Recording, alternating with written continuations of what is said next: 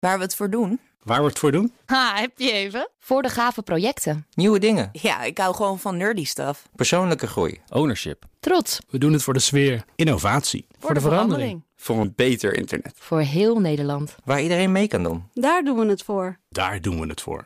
Waar doe jij het voor? Kom werken voor KPN en groei op jouw manier. Check de actuele vacatures op het gebied van data, security, development en networking op jobs.kpn.com/tech. BNR Digitaal wordt mede mogelijk gemaakt door SecureLink. SecureLink. Safely enabling business. BNR Nieuwsradio. BNR Herbert Blankenstein. Russische internetproviders zijn deze week begonnen met het blokkeren van chatdienst Telegram. Telegram wil geen encryptiesleutels delen met de inlichtingendiensten waarmee die zouden kunnen meekijken in de chatgeschiedenis. En dat is tegen de regels van het land dat Telegram daar niet aan meedoet. Ga ik over praten met Niels Groeneweg. Threat Groeneveld. In... Groeneveld, neem me niet kwalijk, dat staat er ook. Ik lees het gewoon verkeerd. Threat Intelligence Analyst bij Red Sox Security. Hartelijk welkom. Dank u wel. Makers en gebruikers van Telegram, die geven zich nou niet gewonnen. Ze hebben de appmakers uh, een deel van hun operatie naar de clouddiensten van Amazon en Google verplaatst. Maar dat heeft ook ongewenste gevolgen, begrijp ik. Klopt, het is een uh, beetje een kat-en-muisspel uh, op het moment. Mm -hmm. uh, Rusland heeft Telegram laten blokkeren. Daarbij worden clouddiensten gebruikt van Microsoft of Google, Amazon en andere. Daar heeft Telegram zich verstopt, ja. om zo te zeggen. De telecom-waakhond Roskomnadzor die heeft miljoenen IP's laten blokkeren. Enerzijds zie je dat daardoor niet alleen Telegram impacted is, maar dat er ook allerlei andere diensten van concurrerende messengers tot aan het uh, Nintendo-netwerk geblokkeerd zijn ja, dus, dus vanuit Rusland. Vanuit Rusland worden nu allerlei IP-nummers geblokkeerd van Google en Amazon. Ja. Om Telegram te vangen, zeg Klopt. maar. Maar ze hebben allerlei bijvangst of bijblokkade. Ja. Ja, en, en, tegelijkertijd kan je afvragen hoe effectief is de blokkade. Want als je kijkt op Twitter, zijn er tal van uh, Russische Telegram-gebruikers die zeggen: ja, soms werkt wel, soms werkt het niet. Maar meestal kom ik er wel doorheen. Ah, kom ik er wel doorheen. Ja, Jasper, ik, wat ik, ik moet denken aan uh, Pirate Bay blokkades. Daar hebben we nogal ervaring mee. En ja, blind IP-adressen blokkeren. Daarmee blokkeer je niet wat je wilt blokkeren. Ja. Want dat kan toch andere kanten op andere wegen. En je blokkeert ook anderen mee. Dus Mario is nu de dupe. dat klopt. En onder andere, hele hoop gedoe. Maar dus. ook serieuze zakelijke toepassingen. Dus uh, vertrouwen op een chat-app is, is één ding. Maar uh, zorg dat je een backup hebt. Maar ook voor clouddiensten moet je dus kennelijk een backup hebben. Voor het geval een chat-app op deze manier ja. En, na, en naast blokkade van de dienst uh, zie je op het moment dat uh, Rusland verzoeken verstuurt naar Google, naar Apple en naar andere bedrijven met app stores om in ieder geval voor. Russische gebruikers Telegram te verwijderen uit app stores. precies wat Jasper net ook meldde. Um, maar ik zit ook te denken, Google en Amazon worden hier nou tegen wil en dank bij betrokken. Mm -hmm. Zouden die soms aan Telegram kunnen gaan vragen: kun je alsjeblieft ophoepelen bij ons, want we hebben er alleen maar last van? Ik zag gisteren dat Pavel Durov een bedankje stuurde naar deze bedrijven. omdat ze niet ingegaan zijn op het verzoek uh, van de Russische overheid. Ah, zo, oké, okay, dus die houden de poot stijf. Oké, okay, um, laten we het eens over uh, Telegram zelf hebben. Um, want Telegram is ook niet helemaal onomstreden. De chatgeschiedenis slaan ze op in de cloud. Jouw en mijn chatgeschiedenis, als wij accounts ja. hebben, slaan ze op. Dat is niet helemaal conform de, de, de uh, encryptie en de privacy die ze zo hoog in de um, het in, hebben in zoverre dat je bij Telegram kan je kiezen of je een normale cloud chat gebruikt. Mm -hmm. uh, op dat moment uh, worden jouw uh, gesprekken worden opgeslagen, encrypted op de servers van Telegram. Maar Telegram heeft ook de decryptie key, dus zij kunnen decoderen en de FSB die wil daar graag in meegaan. naast de cloud chat heb je secret chat. Daar gebruik je end-to-end -end, encryptie en daarbij heeft Telegram naar eigen zeggen dus geen toegang. Ja, ja, ja. oké, okay, dus de zwakke plek van die chatgeschiedenis is dat Telegram daar de sleutel van heeft. En, dus en die eventueel zou kunnen die over te dragen. overhandigen. Maar de eis ja. van de FSB, als ik goed begrepen heb, is geef ons toegang tot chats.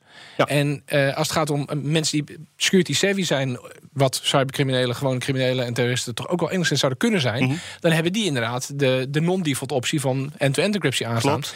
En daarvan zegt Telegram, die sleutels kunnen we niet eens geven. Toch wordt dat geëist. Eh, Ja, dat, dan- eh, maar dan zegt dus de Russische geheime dienst eh, of de overheid die zegt: zoek het maar uit, eh, maak, je, maak je techniek dan maar anders, zodat je dat wel kunt. Precies, en dan komen we ook Toch, aan westerse overheden. Klopt, dan, voor een dan moet de applicatie aangepast worden om Ja, een uh, en dat is wat, te. Pavel Durov weigert om te doen. Ja, ja, ja. En verder, volgens FSB gaat het voornamelijk om terrorisme. Wat je van Russen veel hoort, is dat het de FSB ook heel erg gaat om de Telegram-channels. De groepen in Telegram. En ehm, Telegram is niet zozeer het eh, meest gebruikte eh, chat-applicatie in Rusland. WhatsApp wordt meer gebruikt, Viber wordt meer gebruikt. Maar Telegram wordt heel veel gebruikt door hoogopgeleide jongeren die politiek bewust zijn. En vaak geen voorstanders zijn van het beleid van Poetin. Precies, en dat dus- willen ze ook graag in de gaten houden. Je Politiek had het over het kat-en-muisspel. Eh, sommige gebruikers gebruiken nu een VPN, Virtual Private Network, om ongezien toch Telegram te kunnen ontvangen, zeg maar. Ehm, heeft Rusland dan geen wet zoals China, die tegenwoordig ook heeft, dat eh, VPN eh, verboden kan worden? Rusland heeft wetgeving eh, waarmee men eh, VPN-diensten eh, uit de lucht kan halen. Indien die VPN-diensten toegang blijven geven tot sites die geblokkeerd moeten, moeten zijn. Tot nog toe hebben ze daar geen gebruik van gemaakt. Oké, ja. Bij het betreden van de studio zei jij nog dat de Telegram helemaal niet zo slecht uit zou kunnen komen. Ze zijn namelijk bezig met een ICO, een Initial Coin Offering. Gaan veel geld ophalen. Ja. En een beetje publiciteit is dan nooit weg. Eh, dat, eh, dat klopt. Eh, Telegram die is bezig met een initial coin offering ter waarde van ongeveer 1,7 miljard dollar. Toen gisteren sprak met de kennis van me in Moskou, die zei dat ze daar ook nogal twijfel hebben bij de afstand tussen Telegram en, en de FSB.